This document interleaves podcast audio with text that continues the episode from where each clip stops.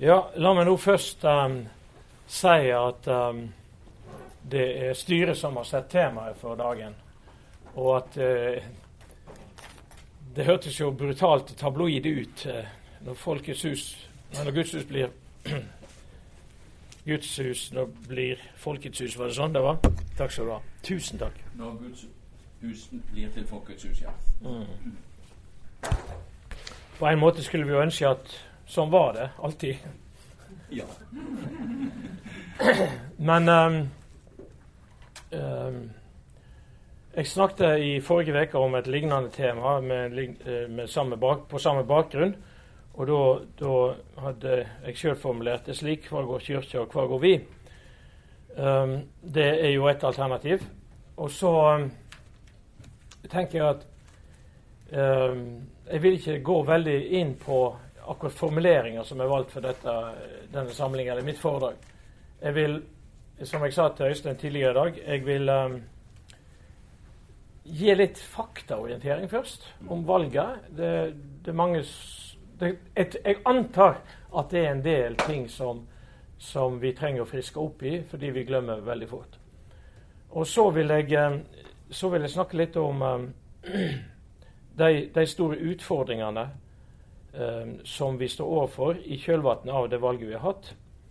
Og eh, at, at læreavgjørelser blir, blir, gjort eller tatt på den måten som de nå er, nå, eh, er gjort gjennom det siste valget. Det rent eklesiologiske, som vi kaller det.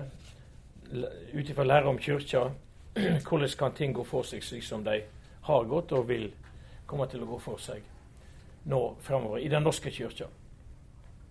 Men aller først um, For dere som ikke var og hørte andakten i dag, som Johanna hadde på, på huset her, så vil jeg um, ta med fra den andakten bare ett ord om å være uh, audmjuke.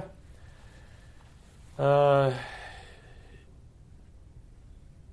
det, det er en utfordring til oss å snakke om et tema der vi har sterke meninger, um, og kanskje har opplevd ting som har sjokkert oss, eller, eller på andre måter uh, rørt ved oss. At vi, at vi, glemmer at vi også i den situasjonen hele tida må, må, må, passe litt på oss sjøl og måten vi snakker både med hverandre og om andre til hverandre på. Uh, for det går nemlig an også for et uh, Og kanskje spesielt for de som kommer i en mindretallsposisjon, men er svært overtydd om at de likevel har rett, så går det an å snakke om andre på en, på en måte som ligger hovmodet langt nærere enn audmykta. Altså, du kan rett og slett du kan lett, rett og slett, og Jo mer du blir presset opp i et hjørne, så kan du komme til å, å snakke nesten foraktelig om andre. Og jeg kommer sikkert til å nærme meg den grensa i, i, kveld. Så jeg sier dette også som en påminning til meg sjøl om at um, standpunkt skal bekjempes, um, og uh, mennesket skal så langt det er elskes. I hvert fall omtales med respekt.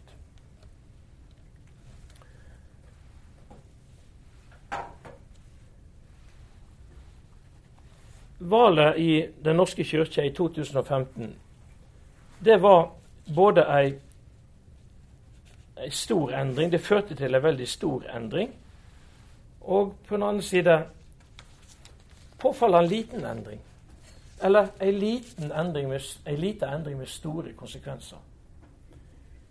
Fra KIFO-rapporten, kirkeforskningsrapporten, om valget som, det, som, jo ble referert for en måneds tid siden og førte mye avisoppslag med seg, så ser vi at, uh, at deltakinga ved, ved valget øker fra 13,5 til 16,7 Det er jo det er jo en liten forskjell. Og i alle fall går det ikke an å si at grensa for demokrati går ved 16 i stedet for med 13 så, så slik sett så var det i det ytre ikke en veldig stor forskjell. Likevel så skjuler det seg i disse tallene eh, svære ting. Kifo skriver sjøl engasjementet som ekteskapsspørsmålet utløste, ser ut til å ha smittet over står det i hermetegn, på menighetsrådsvalget, især i byene. Altså, Og tredjeparten av velgerne hadde ikke stemt ved valg før. Det var altså en voldsom mobilisering. Og jeg syns at uh, Vårt Land i uh, sin lederartikkel 8.2. Uh, i år oppsummerer det som skjedde, på en veldig grei måte. Undersøkelsen har riktignok benyttet seg av det betente begrepet 'personlig kristen', og ikke av ordene 'troende' eller 'kristen', som det kan være lettere å forholde seg til. Talspersoner mener at det, til, at det kan være grunn til at halvparten av dem som stemte på listen, ikke betraktet seg som kristne i snever forstand. Men 38% av dem som ga stemme til Åpen folkekirkes liste, svarte nei på spørsmålet om Den norske kirke er viktig for dem. Og Det, det syns jeg er et av de skremmende tallene her. At 38% av de som ga sin stemme ved valget, sier at egentlig bryr jeg meg ikke om kirka. Og oppsummert videre alvoret manifesterer seg som så tydelig i dette tilfellet ved at en massiv del av dem som stemte, synes å mene at det er folkelige, politisk korrekte og demokratiske kriterier som kan stemme frem hva som er kristendom, og hva som ikke er det.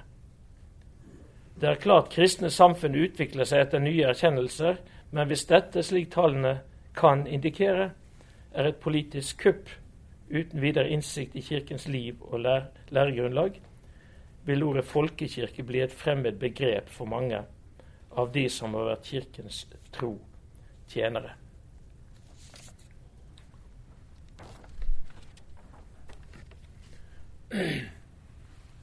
I de mange debattene som jeg har deltatt i dette året, eh, dvs. Si i 2015, eh, så ble det for meg mer og mer tydelig etter hvert som tida gikk, at eh, det som var slått opp som det store konflikttemaet, nemlig Kirka sitt syn på ekteskapet, og om ekteskapsforståelsen kan utvides til å gjelde relasjonen mellom to parter av samme kjønn, det var bare en konsekvens. Det var bare toppen av et isfjell. For under dette spørsmålet ligger ei rad andre spørsmål eh, nemlig om synet på Guds ord, om synet på forsoninga, faktisk, med rettferdiggjørelsen. Eh, om eh, altså en, en, rekke saker der det viste seg at det var uvilje på den andre sida. Det var uvilje mot å debattere dette større bildet. Og svaret var hele tida nå er det dette det gjelder. Nå er det dette det gjelder. Men eh, som jeg skal vise litt seinere,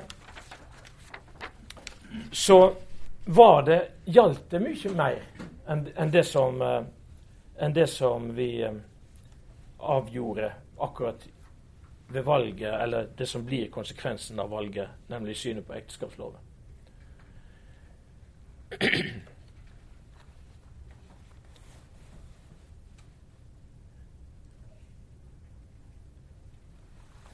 I en artikkel i Nytt Norsk Kirkeblad der jeg eh, skrev om eh, Der jeg var invitert til å skrive om, den, eh, om mitt syn på hva kirka er.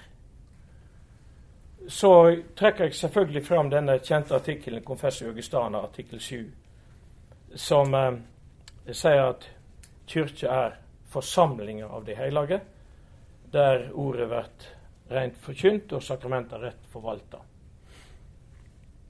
Vi har sånn som jeg tolker det som nå har skjedd, så har vi fått en ny omdreining i forståelsen av kirkebegrepet, eller folkekirkebegrepet, da, i forhold til det vi har hatt tidligere. I mellomkrigstida i Norge, og for de yngste så er mellomkrigstida da altså mellom første og andre verdenskrig eh, I, i mellomkrigstida i Norge så ble det på det vi kan kalle sentrumskirkelig og til dels liberalkirkelig hold, gjerne tatt med to viktige ting i denne artikkelen. Nemlig at kirka er at ordet blir rett forkynt og sakramenter rett forvalta. Og så overså en, eh, ikke med vond vilje, men en overså betydningen av dette ordet 'forsamlinga av', der ordet blir rett forkynt og sakramentet rett forvalta. Nå kan vi eh, si at det var en mellomposisjon. Fordi at i, i Sverige eh, var det en, en kjent teolog som ga et annet innhold til folkekirkebegrepet, nemlig en teolog som heter Einar Billing, som var biskop og professor, og som snakket om at folkekirka, og til og med statskirka, er det beste uttrykket for hvordan Guds nåde kan forkynnes, fordi det etablerer i seg sjøl en forståing av Guds førekommende nåde. Altså Guds nåde blir delt ut til alle og er tilgjengelig for alle, enten de tror eller ikke. der de er. Og fordi disse, disse nordiske eh, nasjonalkirkene også var det vi kaller territorialkirker, som betydde simpelthen det at det norske territorium er dekka av Den norske kirka. Du kan ikke være på noen plass i dette riket uten å betre eh, evangelisk-luthersk jord så betydde folkekirketanken i, dette, i denne billingske utgave at, uh, at uh, overalt der folk hadde en bostad, en adresse i Sverige eller Norge, da, så var Guds nåde til stede allerede før du var der sjøl. Og derfor så, så var eh, Derfor så var dette begrepet så viktig for ham at det var ikke engang avgjørende at kyrkja, folkekirka var ei majoritetskirke. Men så lenge hun var ei territorialkirke som dekka hele landet, så var Guds nåde så å si forhånda før du nærmer deg gudshuset også. Men for han var, for Billing var dette et strategisk og og eksegetisk også er rett for fortolkning og forståelse av hvordan Guds nåde kan nå ut til flest mulig mennesker. Og rett og slett Folkekirken var en genial oppfinnelse. rett og slett. Jeg har tatt denne omveien fordi begrepet folkekirke igjen dukker veldig ofte opp i debattene i fjor. Og eh, også da så vi at forsamlinga forsvant ut av definisjonen Um, det var jo selvsagt viktig fortsatt at ordet ble forkynt og sakramenter forvalta en eller annen plass, og at noen gjorde det. Men det var ikke avgjørende for å høre til der at du var til stede sjøl. Derfor fikk vi en, et veldig skille i, i debatten og, i, og ja, et skille i debatten og i forståelsen av hva er det som konstituerer kirka vår. Hva er det som konstituerer ei kirke nå presiserer jeg etter evangelisk luthersk forståelse. Og eh, Derfor så kom også enkelte talsmenn for det som blir kalt åpen folkekirke, til å uttrykke seg slik at trua kan jo ingen, den tru du har, kan ingen trenge inn i å forstå eller, eller dømme om og granske hjerte og nyre. Slik at om denne trua ytrer seg på den måten at du er der forsamlinga er, og ord sakramentene blir forvalta, eller om du sjøl velger å gi uttrykk for den trua på en annen måte, som en forsant holdning, eller som en refleksjon i ditt eget sinn, så er Kirka også der. For vi kan tro på så mange forskjellige måter. Og Da ser vi jo at vi i realiteten har løst opp denne forståelsen. Denne, denne sammenhengen mellom forkynnelsen, sakramentsforvaltningen, og det er faktisk at vi deltar i det.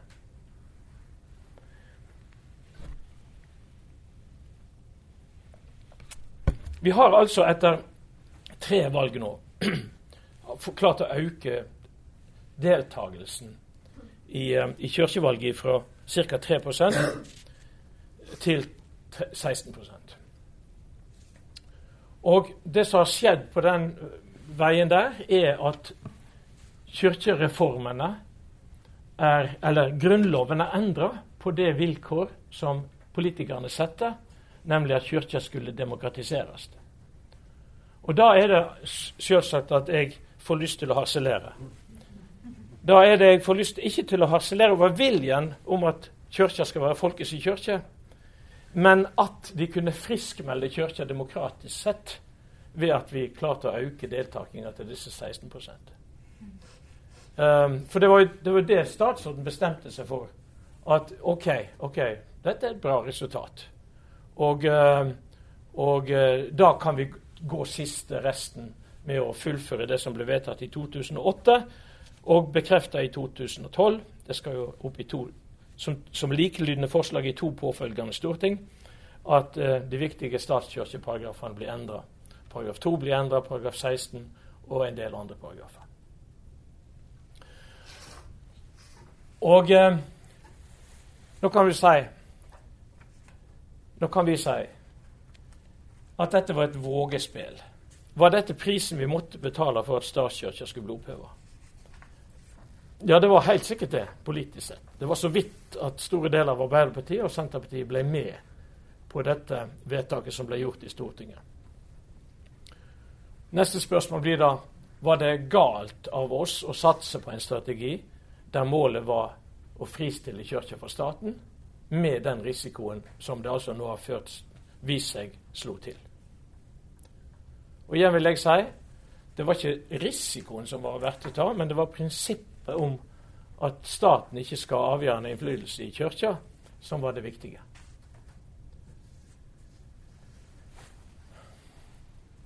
Spørsmålet om uh, hvordan, eller hvordan har reformvennene som har villet reformere statskirka i over 100 år, 150 år, hvordan har de tenkt om dette før? Absalon Taranger, som var en kirkerettslærd som fikk avgjørende innflytelse på reformrørsla for vel 100 år siden, han ville ha en fri folkekirke. Det var slagordet som vant fram og fikk stort flertall på det kirkelige, frivillige kirkelige landsmøtet i 1906. Og som også førte til at han kom inn i en kommisjon som la fram sin innstilling i, 2000, eh, i 1911, eh, som eh, Eh, som da, Der han riktignok ikke fikk flertall for ei fri folkekirke, men et stort mindretall ville det. Og han, han tenkte som så, og for, i hans forslag lå det, at uh, vi skulle ha ei, ei eh, folkekirke basert på dåpen. Jeg har ikke nevnt dåpen til nå, men jeg håper det ligger under at kriteriet for medlemskap er dåp. Men de som ville stemme ved kirkelige valg, skulle ved personlig nei, underskrift personlig underskrift bekrefte at de delte kirka tru og deltok i valget for å fremme denne kirka interesse, eller sitt beste, sin beste tarv.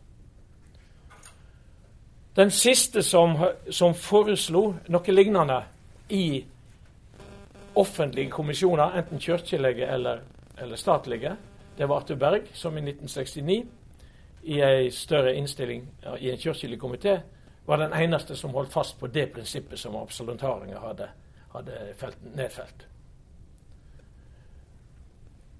I 1975 kom Sivertsen-komiteens innstilling. Sivertsen hadde vært kirkeminister og utreda nå en, en, en, ny ordning mellom kirke og stat. Og dette var den første gangen, altså i 1975, i samme måned faktisk som Per Lønning gikk av som biskop i Borg i protest mot abortloven. Um, dette var første gangen at en statlig komité hadde et flertall som tilrådde uh, skilje mellom stat og kirke. Ut ifra et religionsfrihetsperspektiv. Dette ble dessverre sendt på høring uten at noen alternativ var utgreid. Og dere kan tenke dere når det da kom til, til menighetsrådet og forskjellig sånt, så så sa de vi vet hva vi har, vi vet, hva, vi hva vi har, men vi vet ikke hva vi får. De hadde ikke sjanse til å gjøre noe annet. Og etter mange års betenkning mellom Einar Førde og Kjølve Egeland, så ble det lagt frem, så bestemte Arbeiderpartiet seg for at nei, vi vil ikke ha oppløst statskirka, men vi vil gå til ytterpunktet av muligheten innenfor det systemet vi har til å delegere til kirkelige organ og fatte avgjøre kirkelige saker. Det førte da til den kirkeloven vi har i dag. Det var først neste skritt som ble tatt og fullført i 2012, og som nå altså har vist sin sårbarhet ved det valget vi har hatt bak oss.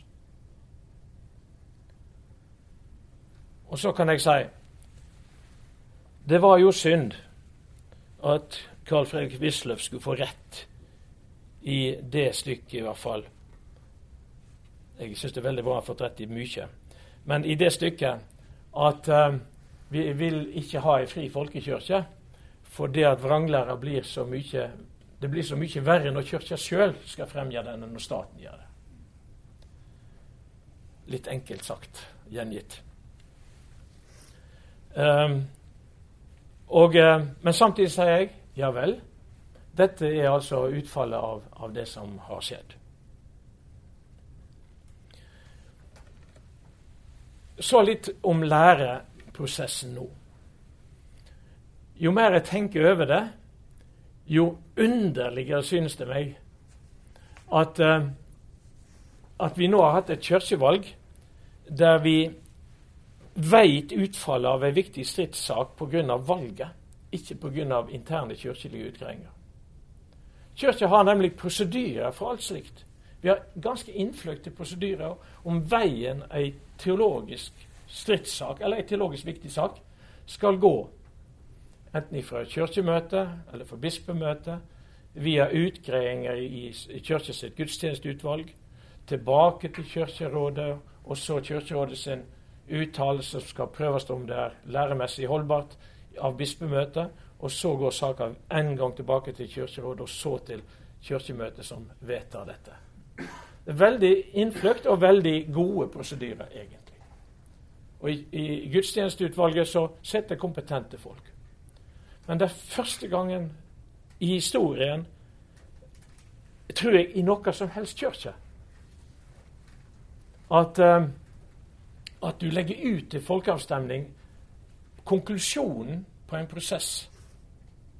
Og så blir den konklusjonen bindende for hele utgreiingsarbeidet. Det, altså et, det som kommer til å skje nå, helt opplagt, det er jo at, at folk blir satt i gang med å arbeide med en sak der konklusjonen er gitt. Og Det er nytt, og det er egentlig revolusjonerende.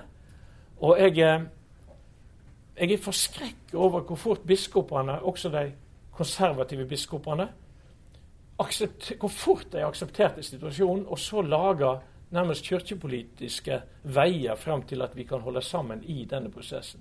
Istedenfor å påpeke disse relativt elementære tingene som har skjedd. Og, og det problematiske ved at de har skjedd. For én ting er synet på homofilt samliv. Og det er klart, Jo mer det blir snakk om det, jo mer løssalgsavisene skriver om det, når det knapt ikke går an å se en TV-serie uten at dette blir normalisert, så har det sin surdeigseffekt på oss alle sammen.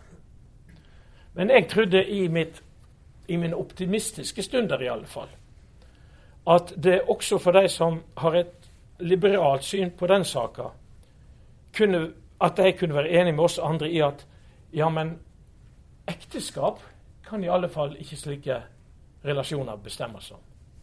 For har ikke Kirka i 1000 år i Norge, 2000 år ellers, visst, uten at det var utgreid, at kjønnspolariteten er en konstituerende del av vår forståelse av hva et ekteskap er for noe? Men så mye symbolpolitikk hadde gått i den saka at, at, heller ikke det hadde vært mulig å, å, samordne oss om. Eller få tilslutning til. Enda det bare er eh, 15-16 år siden biskopene sa akkurat det. At å sidestille disse tingene var å forstå som kvalifisert vranglære. Og Da har jeg ofte tenkt at om ikke, om ikke, annet så av respekt for sine egne ord, så burde Kirka, selv om det sitter en biskop i en annen posisjon nå, eller sitter i den posisjonen som en annen hadde før, så, så har det jo noe med den interne kulturen i et kirkesamfunn også. At vi passer litt bedre på kontinuiteten enn å bare forkaste alt uten å gi det en ny grunngjeving. Det, det, er det ene. Altså jeg hadde I mine optimistiske stunder så hadde jeg trodd at vi kan i hvert fall være enige om denne definisjonen. For eh, det at hvis du tar bort kjønnspolariteten, så er to-tallet bare et tall. Det, det, er helt opplagt.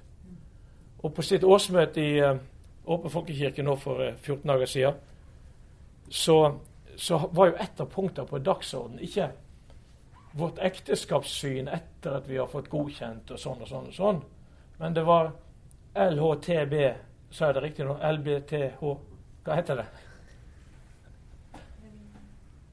LH LHBT, tror jeg det heter. LHBT-problematikken heter LHBT-problematikken. Altså den og, og, bare det at du snakker om lesbiske, homofile, bifile og transpersoner i samme eh, pust som et, en problematikk, det, det tilsier jo også at, eh, at det går ikke an å finne å løse det på en tilfredsstillende måte hvis diskriminering er nøkkelordet uten også å ha oppheva det absolutte ved totallet. Altså det som, vi har, det som er sikre når du snakker om kjønnspolaritet. Det er den ene sida. Den andre sida er at nærmest som et lite statskupp så, så skjedde det noe ved, da vi fikk den nye ekteskapsloven for fem år siden. Nemlig at Stortinget sa eksplisitt at dette er en koblingslov.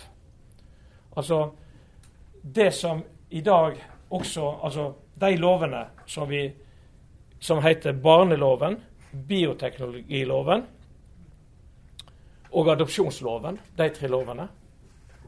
Um, alt det som gjelder de, alt det som er bestemt i de lovene, blir automatisk gjeldende for de som har inngått ekteskap etter ny ekteskapslov. Og det er også en veldig spesiell sak. fordi at, La oss nå for tankens skyld tenke oss at Kirka sier vi er splitta i synet på hvorvidt homofilt samliv kan forstås som ekteskap, og det er kanskje til og med flertall for at det skal vi kunne gjøre. Men så lenge staten har kobla dette opp, gjort det til en automatikk, den sammenhengen med andre lover, så kan ikke vi for vår integritets skyld gå inn for en sånn ordning i kirka vår. For, for hva er det da som skjer, når kirka da velsigner um, og, og erklærer som ekteskap en, en homofil relasjon? Det er at den også sier ja til planlagt farløse eller morløse. Um, akkurat å påpeke noe så elementært har, har blitt rett og slett uh, ledd ut i den debatten vi hadde før valget. Rett og slett. Gang på gang har jeg opplevd det, at det er skremselspropaganda, blir det sagt. Men dette er jo ren matematikk, nesten. At sånn er det. Får du en sånn kobling, så, så, så velsigner du et planlagt eh, planlagt eh, familie der enten mor eller bar, eh, far ikke inngår som en omsorgsperson for, for det barnet, livet, som måtte komme til. Og eh, det er jo også slik da, at det er jo bare ved hjelp av ny teknologi at overhodet er mulig. Altså Bare det i seg sjøl sier jo noe hvor elementært det er dette at mor og far, mann og kvinne, er de naturlige forutsetningene for den nye eininga en familie med barn skulle være. Men dette ble det altså umulig å, å, å, å, gå videre med. Og akkurat i disse dager så ser vi, senest på Dagsrevyen i går, tror jeg det var, at, um, at det er et veldig politisk press etter å nå også å godta eggdonasjon. som, uh, uten å gå inn på det nå, som er et skritt videre. Som til nå ikke har gått igjennom i Bioteknologinemnda. Og da vet vi altså Kirkemøtet har, har, sagt nei til mange sider ved disse lovene. De har, eh, har tatt sterke standpunkt ut ifra et kristen menneskesyn på hvor langt du kan gå i å manipulere vilkårene for liv, og hva vi etisk sett kan gå inn for. Men når staten altså har gjort konsekvensene av dette automatisk gjeldende for de som blir gift, så, så stikker vi hodet i sanden og vil ikke snakke om det, for det dreier seg om noe annet. Så det er Vi har det direkte fra flere aktører i denne debatten at uh, de er kritiske til disse konsekvensene. Men det vil de bare uttrykke og si sånn individuelt at det er vi kritiske til, men ekteskapsloven skal bli gjort gjeldende også for homofile.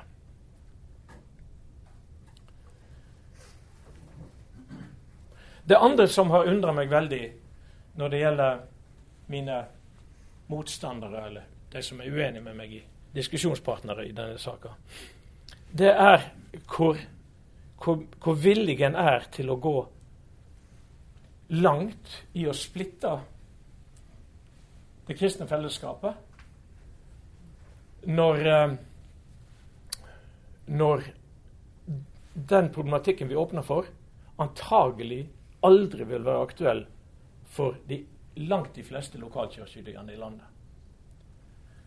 Dette, det, dette er det begrensa hvor mye vi kan si om offentlig og ute. Fordi det er klart at hvis um, Når slaveriet skulle oppheves i, av, i USA, uh, så, så, var det kanskje bare ei bok onkel Tom sitter som liksom Altså, er noe galt for én med ett menneske, så er det galt med alle. Så Derfor vil jeg at dere ikke skal misforstå meg. Men det var ca. 24 000 inngått ekteskap i fjor. 262 av dem var mellom folk av samme kjønn. Det er 1,1 Det svarer veldig godt til Kinsey-rapporten sin, eh, sine tall over hvor mange homofile det er i et samfunn. Hvis vi tenker oss at i beste fall, altså beste fall sett fra et eller annet synspunkt, at 80% eller la oss si 50% av dem kunne tenkt seg å bli vigd i ei så står vi igjen med et tall som ligger ned mot 100. Antagelig maks de òg. Og vi vet at kanskje 80% av disse de bor og lever i Oslo-området. Dette vil i praksis, i, på praksisplanet, opptre uhyre sjelden, og, og, i enkelte kirkemiljøer aldri i Norge i framtida. Men det vil opptre på læreplanen. Det skal jeg komme litt tilbake til. Og da, da er altså da er en altså villig til å, å, presse gjennom noe som det er så stor anfektelse over i kirka vår, for å få en ordning som prinsipielt skal være tilgjengelig for alle, men som i praksis det ikke blir noe stort behov for. Men jeg møter det på en annen måte. Kirka har jo allerede tapt kampen om ekteskapet. Det har vi gjort for lenge siden. Det må vi være klar over. Av de 24 000 som ble vigd i fjor, var bare vel 8000 vigd i, i, i kirkene våre. Vi er allerede ned på 30-tallet. 36% av inngåtte ekteskap blir inngått i kirka. Så hva er denne kampen? Det er en symbolkamp. Det er en kamp om signal og symbol om at kirka føler med tida, og kirka er villig til å tilpasse seg. Men det som jeg sa til Øystein tidligere i dag, var det viktigste punktet mitt i kveld. Det er de konsekvensene vi nå er nødt til å se i Kvitauget på lokalt plan. Og Jeg sier det også som en, eh, som en adressat her på NLA der vi har slått oss på teologisk side opp de senere åra med å snakke om praktisk teologi og ledelse. Jeg har undervist i hele dag i det faget. og, eh, og vi, vi, vi, sier igjen og igjen at teologi blir prøvd i praksis. Altså Hvis ikke teologi virker i praksis, så er det bare en akademisk øvelse. En pedagog vil helt sikkert si det samme om pedagogikken. Og eh, da, ut ifra en debatt som vi nå har hatt med, med redaktøren i Luthers kirketidene, så har vi prøvd å peke på det at arenaen for den splittelse vi nå ser, er jo det lokale. Det, det er ikke lenger på teologene og professorene sine skriverom. Men det er der prestene er, der konfirmantlærerne, kateketene, trusopplærerne er på det lokale plan. Og der er det akutt. Der er det aktuelt. Selv om det aldri blir inngått et, et ekteskap mellom likekjønna i den lokale kirka. Dette er vår store utfordring. Og jeg kan ikke se det på annen måte enn at enten må vi si heretter skal kirkelyene få lov å utvikle seg slik at de står for det ene eller det andre. Det har biskopen sagt at det blir ikke tilfellet. Vi kommer til å fortsette med samme praksis som før. Én står for det ene, og en han står for det andre. Og da blir altså, Enten gjør vi det, eller så blir konsekvensen at vi, eller mange lokalt, kommer til å tie stilt. Altså Det er en fortielse som nå kommer til å legge seg over hele saka. Og det er jo ikke noe annet enn en bevisst tilbaketrekning fra et område der Kirka skulle ha mer enn noen andre å si. Jeg har lyst, før jeg går til avrunding, å referere litt fra det arbeidet jeg har gjort med, med Kirka under krigen, og Kirka sin voldsomme kamp for eh, foreldreretten. Der de gang på gang bruker nettopp det uttrykket som er blitt forkjetra i vår debatt i 2015, nemlig å snakke om en skaperordning når vi snakker om mor, far og barn. Og, eh, og en, en eh, gikk til kamp mot staten sitt, sitt nazifiseringsprogram eh, på to premisser. Det ene var foreldreretten, som gjaldt ubetinga. Og det andre var at den gangen var jo bortimot 100% døpte. I hvert fall over 95% var døpte. Altså, og for det andre altså, hadde Kirka dermed påtatt seg et ansvar også for den oppseelsen. Og staten hadde det ikke. Og så understreker en så sterkt en kunne at all myndighet på jord springer ut av foreldreretten. Det er der, der opphavet til all myndighet over andre ligger. Det er altså ikke sånn at staten drysser nedover seg litt velvilje, ned fra seg litt velvilje, der en kan få jobbe med det, en annen får jobbe med det. Men det er staten som er delegert et ansvar fra foreldre, enten det gjelder skole eller oppsetting, eller hva det nå gjelder. Og hva dag tror du du i valgte? til å markere denne, denne protesten i alle kirker i Norge. Det var Maria budskapsdag. De valgte bevisst Maria budskapsdag i mars 1943 til å markere sin motstand mot dette angrepet på samfunnets urcelle, familien. Den dagen altså som der vi alle blir varsla om at Gud, Jesus har en mor, Maria, og har en jordisk far, Josef, og hun har en far i himmelen. Han har en far i himmelen. Og at der dette Jeg tok med meg et sitat som en sa ja, Lederartikkelen i Luthers kirketidene i anledning denne markeringa skrev ja, Han skrev det på ettertid, da, for det, det var gått inn. På det tidspunktet var bladet gått inn. Det må da stå helt klart at av foreldremyndigheten er det all annen myndighet utspringer, som Luther sier. Enten det er Kirken eller staten som tar hånd om oppdragelsen, så gjelder det at de bare er hjemmets forlengede arm. Og eh, i en, eh, ei preike den dag blir det sagt denne vilje, altså Guds viljes lov med våre liv, så sa min figurant, der mann og hustru, foreldre og barn ferdes sammen på vei til målet, arbeider sammen, hjelper hverandre i de mange slags vanskeligheter som menneskelivet alltid fører med seg, og som er blitt så mange flere og så meget større i de vanskelige tider som alle vårt lands tusen hjem nå gjennomlever. En annen prest var enda mer klart i sin tale.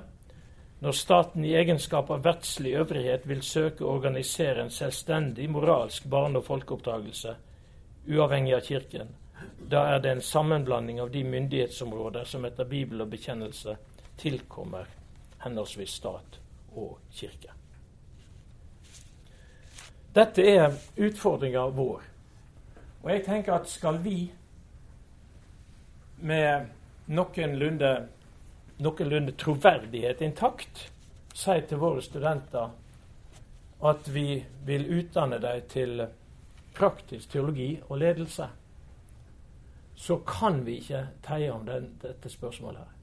Vi, vi, kan ikke, vi, kan ikke, utdanne folk og si det at, at du skal at du, eller uten å forberede deg på at de kan komme inn i en lokal sammenheng der én prest lærer det ene, og det andre lærer noe annet. Men det er, som biskopene helt fortjenstfullt i hvert fall har sagt, innbyrdes uforenlige standpunkt. Men ei kirke kan ikke på et av de aller viktigste arenaene der kirka har et mandat i det hele tatt, leve med innbyrdes uforenlige standpunkt. Konsekvensen av det blir utelukkende taushet. For ellers så legger en jo opp til en strid som vil, vil tære og tappe all kraft av folk som skal arbeide sammen for Guds rikes vekst. Ja, jeg stopper der. Takk for at dere hørte på meg.